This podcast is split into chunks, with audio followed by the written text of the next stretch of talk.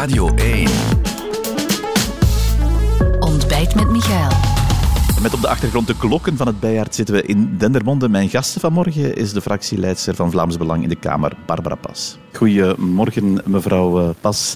In het prachtige stadhuis van eh, Dendermonde, uw woonplaats. Uh, over Dendermonde, over uw partij gaan we het zo meteen hebben. Maar eerst federaal, het beleid van de federale regering, want daar bent u fractieleider in de Kamer. Gisteren die, die arbeidsdeal, hoe beoordeelt uw partij die? Dat men daar heel veel tijd en energie heeft ingestoken voor een resultaat dat niet zal leiden tot die 80% werkgelegenheid die ze hebben vooropgesteld. Um, het is een, een, ja, een heel flauw beestje, die arbeidsdeal. En natuurlijk is het... Eh, men had eigenlijk de krijtlijnen al in oktober vorig jaar uitgetekend, dus veel nieuws staat er ook niet in.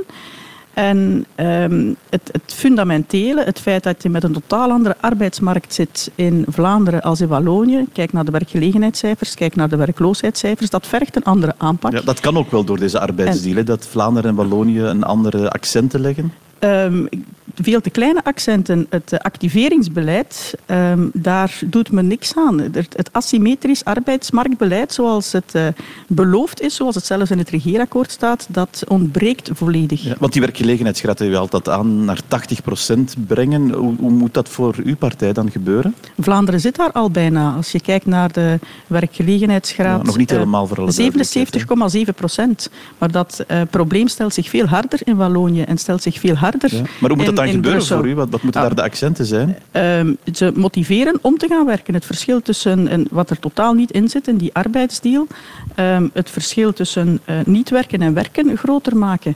En uh, mensen aan dus het werk is, zetten. Dus werkloosheidsuitkeringen werk... ook naar beneden halen, zegt u? Uh, werkloosheidsuitkeringen beperken in de tijd tot twee jaar voor iedereen die onder de 50 jaar is. Dat is al heel lang een standpunt uh, van het Vlaams Belang. Maar om die arbeidsdeal samen te vatten, ik heb Voltaire uh, heeft ooit gezegd dat arbeid ons behoedt van armoede. Maar ik ben er zeker van dat hij dat over deze arbeidsdeal niet zou geschreven nee. hebben. Maar nog even over, over uw uh, aanpak dan als, als partij. U zegt die werkloosheidsuitkeringen beperken. Uh, het activeren zelf, hoe wil u dat dan doen? Of hoe zou u dat, dat willen aanpakken? Of wat zou u daar willen zien? dat er veel meer ingezet wordt op versnelde opleidingen richting knelpuntberoepen. Er, uh, in Vlaanderen heeft men werknemerstekort en in Wallonië zit men vooral met een grote werkloosheid. En we zien vandaag dat er, uh, zeker bijvoorbeeld in de zorg, vacatures worden ingevuld in Vlaanderen vanuit Frankrijk, maar niet vanuit Wallonië. Dus maak het uh, financieel aantrekkelijker om interregionaal te gaan werken. Dat zijn allemaal zaken die effectief iets uithalen naar die werkgelegenheid toe, naar die terwijl vandaag die arbeidsdeal zich vooral richt op het, het meer ja, flexibel maken van, van, van die werkvloer. Wat kan dat niet helpen dan, denkt u? Want uh, een van de opties is inderdaad om, om, werknemers zelf te laten invullen. Ik kan deze week uh, vier dagen werken, volgende week wat meer bijvoorbeeld.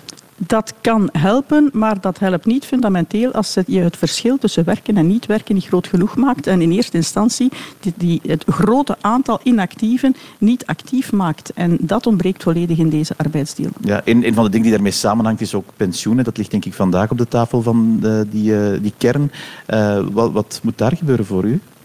Eh, eh, de arbeidsdeal was eigenlijk nog het gemakkelijkste voor de Vivaldi-regering om eh, aan een akkoord te komen, omdat daar het minste centen aan vasthangen. In zaken die pensioenhervorming heeft men het al drie keer uitgesteld. Ik verwacht niet dat men vandaag plots daar tot een akkoord gaat komen. Nee, maar welke accent moet daar voor uw partij gelegd worden dan bij zo'n pensioenhervorming? de betaalbaarheid. En zelfs dat wil men, ligt vandaag niet eens op tafel bij die regeringstafel. Dat schuift men door naar de sociale partners. Men heeft geen lange termijnplanning voor de betaalbaarheid van die pensioenen.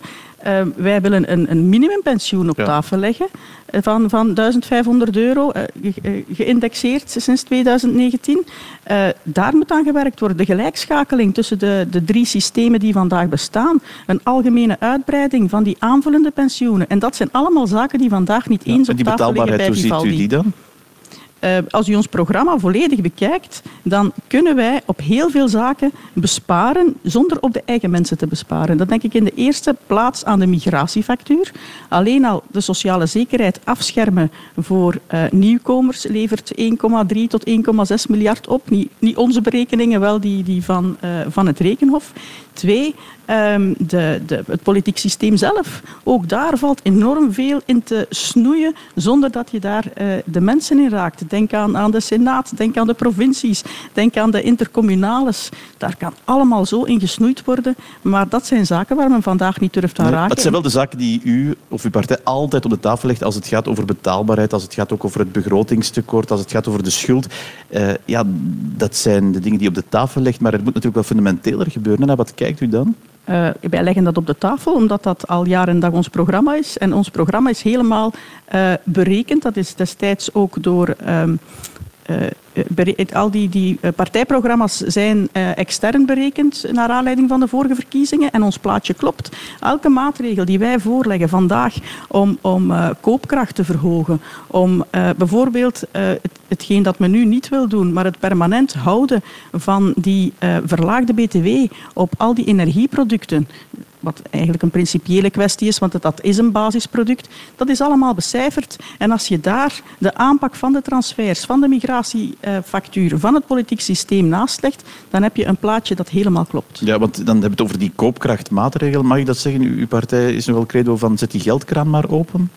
Uh, wij zijn voor structurele maatregelen en niet voor symptoombestrijding zoals men vandaag doet. Wat zijn dan structurele uh, maatregelen op dit moment om die, die inflatie naar beneden te krijgen? Want daar komt het natuurlijk op neer. Hè? Ja, die inflatie zit vandaag in, in België al veel hoger dan in vele andere landen. We zitten bijna aan 9 procent. Dat benadert uh, het resultaat van de Open VLD in de recentste ja, peilingen. Het gemiddelde voor dus, de eurozone is ook 8 procent. Dus op, op dat vlak het is in alle landen die, die hoge inflatie natuurlijk een feit. Niet overal even hoog als hier. Groot-Brittannië heeft 7 procent, Frankrijk heeft 5 procent. Uh, België doet onder andere door die hoge energieprijzen, waar heel veel nog altijd belastingen in zitten, uh, zit dat hoger dan ergens anders. En als je de mensen vandaag wil helpen in een portemonnee, diegenen die het moeilijk hebben om aan het einde van de maand die energiefacturen en de winkelkar nog betaald te krijgen, dan moet je kijken naar het nettoloon.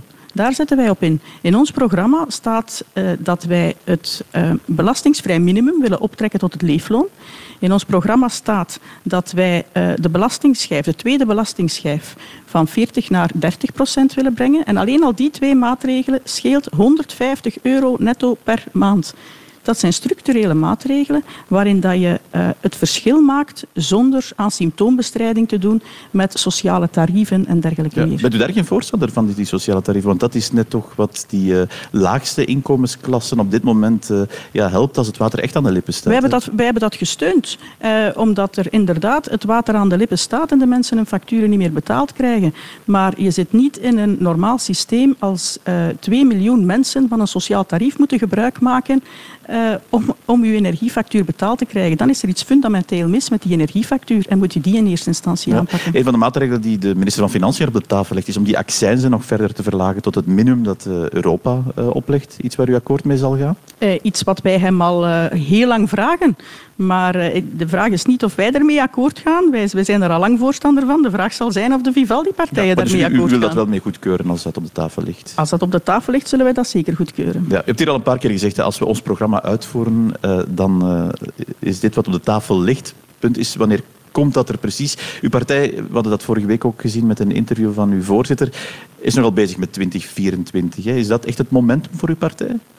Uh, het zal het momentum moeten zijn voor Vlaanderen. Want we hebben met de voorbije regeringen, de regering Michel met een communautaire stilstand, vandaag het bekvechtende Vivaldi, die over geen, geen enkele uh, belangrijk thema voor een omkeer zorgt. Dus er is in 2024 een alternatief nodig. En de enige partij die echt de verandering kan brengen en niet meer van hetzelfde, dat is het Vlaams Belang. Ja, 2024, maar voor, u, voor uw partij zelf, dat moet het moment zijn van uh, ja, de grote overwinning, maar ook de, de grote realisatie van uw programma, want daar, stuurt uw voorstel wel op aan. Hè?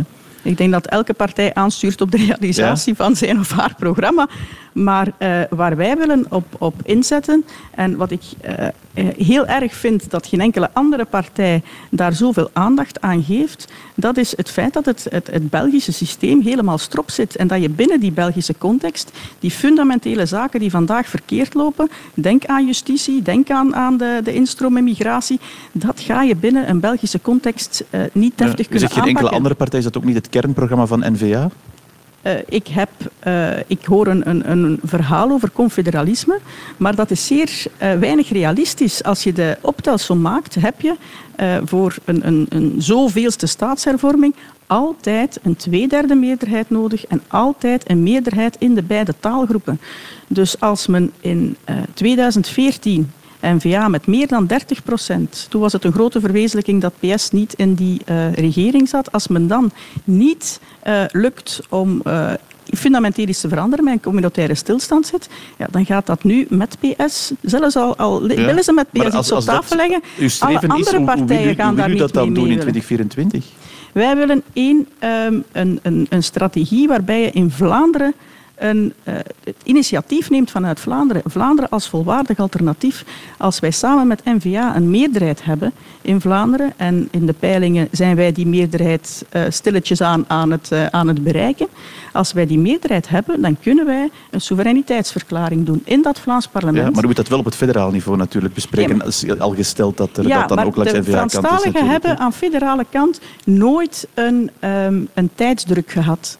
Als je in 2024 een soevereiniteitsverklaring doet, en dat is de, de duidelijke beeldspraak die mijn voorzitter daarbij ook heeft gebruikt, je laat een keukenbekkertje lopen, dan heb je tot uh, 29 tijd voor je onafhankelijkheidsverklaring. En dan weten de Franstaligen dat zij tegen dan in onderhandeling moeten. En wij gaan dat communautaire vuur dat daarvoor nodig is om de mensen te overtuigen dat echt uh, Vlaanderen die bevoegdheden nodig heeft voor echte ommekeer, ja, dat gaan wij ook aanwakkeren. Mijn partij zet daar enorm op in. On onder de naam Vlaams Vuur hebben wij ook een hele agenda uh, klaar om het komende parlementaire jaar dat communautaire terug aan die agenda te zetten. Uh, we zijn nu al bezig met, met uh, in aanloop van, van een 11 juli-viering massaal levenvlaggen te bedelen. In september komt er een boek uit van mij en van Lode Vreek waar we echt als referentie voor de transfers willen gebruiken. Want het is onvoorstelbaar dat in tijden van alles, ja. van onbetaalbaarheid, die transfers doodgezwegen worden. Ja, maar nog eens, dan hebt u wel NVA nodig natuurlijk, want dat, dat, dat alludeert u wel heel de tijd ook op. Uh, het, het, zal aan, het is één en vooral aan de kiezer om te bepalen welke richting het moet uitgaan. En dan, uh, ik lees uit diezelfde peiling dat de kiezers van NVA uh, 85% daarvan met ons wil samenwerken. Dus als NVA terechte kritiek heeft dat de Vivaldi-regering geen rekening houdt met de kiezers, dan stel ik voor dat ze rekening houden met hun eigen kiezers en vooral kijken naar wat ze willen verwezenlijken. Ja, en dan zegt de NVA-voorzitter heel duidelijk al een hele tijd trouwens, nee, dat gaan we niet doen, wij kiezen voor de legalistische weg. Eh, die legalistische weg, daar heeft hij nooit een meerderheid voor. Die, die optelsom kan je zelfs in tijden van uh, slecht wiskundeniveau in de scholen heel gemakkelijk maken. En met een PTB, met een ecolo, die je daar ook allemaal voor nodig hebt voor die meerderheid, kan dat gewoonweg niet. En ik laat mij niet afschrikken door uitspraken van een, van een Bart de Wever. Dat is dezelfde man die zei dat hij in, niet ging samengaan met de socialisten in Antwerpen, die in 2012 zei dat het in marmer gebeiteld stond dat hij in 2014 ging stoppen als voorzitter van NVA. Dus uh, als, als hij het omgekeerde blijft doen van wat hij zegt, dan staan we er zelfs goed ja, voor. In maar het is wel een beetje vreemd, mevrouw Pas, want uw, uw partij is, is echt altijd aan alluderen. Hè. Als wij samen een meerderheid hebben, dan. En tegelijkertijd zit u voortdurend uh, in, in hun richting uh, te, ja, te duwen. Dat, dat, dat spreekt elkaar wat tegen natuurlijk ook. Hè. Wij doen onze job. We zitten in het Vlaams parlement in de oppositie en daar kunnen wij niet anders dan duwen. Want Jan Bon voert daar alles behalve een assertief Vlaams beleid. En dat is wat je wel nodig hebt om uh, dat, dat uh, Belgische niveau sneller te laten imploderen en een goed alternatief op tafel te leggen. Nog, nog even over deze stad of alle steden en gemeenten in, uh, in Vlaanderen, want ook in 2024 zijn er lokale verkiezingen natuurlijk na de, de, de Vlaamse en de federale verkiezingen. Wat is eigenlijk daar de ambitie van uw partij? Uh, ook daar echt de verandering brengen. Ja, maar echt mee besturen ook? Is dat, de is dat de grote ambitie uiteindelijk toch? De grote ambitie, uh, wij maken ons vandaag nuttig op alle vlakken in de rol waar wij zijn, maar en wij willen uiteraard meebesturen. Wij werken daarnaar om een geloofwaardige beleidspartij te zijn geef ons een kans om het te bewijzen, zou ik zeggen. Maar uh, wij hebben alleszins, in tegenstelling tot andere partijen, er niet alles voor over om nee, toch maar, maar u, u in een meerderheid te zitten. Omheen, hè, want uh, is, is dat in, in, bij, vooral bij die lokale verkiezingen toch vooral de doelstelling? Om, om, om gemeenten, een, een paar steden te hebben waar uw partij uh, door het cordon sanitair geraakt dan? Het is onze bedoeling om een beter beleid te kunnen geven aan, aan, de, aan de Vlamingen en ook aan inwoners uh, van bepaalde steden en gemeenten. Hoe meer, hoe liever. Dus uh, ja, als dat de inzet kan zijn, absoluut. Zal het een teleurstelling zijn als dat dan uiteindelijk niet lukt finaal? Het zal vooral een teleurstelling zijn voor de burger die dan meer ja, krijgt van partij? Dat zullen, dat zullen we dan wel zien. Onze ambitie is nu eerst de grootste verkiezingen winnen. Dat is het eerste vehikel. We willen de grootste partij zijn in 24, zodat we zelf het initiatiefrecht hebben en anderen kunnen aansluiten bij onze strategie en niet omgekeerd. Ja, maar dat is dus voor 2024. Vandaag is inderdaad nog uh, eerst uh, heel wat parlementair werk, ook onder meer met die arbeids- Mevrouw Pas, dank je wel voor vanmorgen onze gast te zijn. Dank u wel. Dit was Ontbijt met Michael, een podcast van Radio 1. Ontdek nog meer podcasts van Radio 1 in onze app en op radio1.be.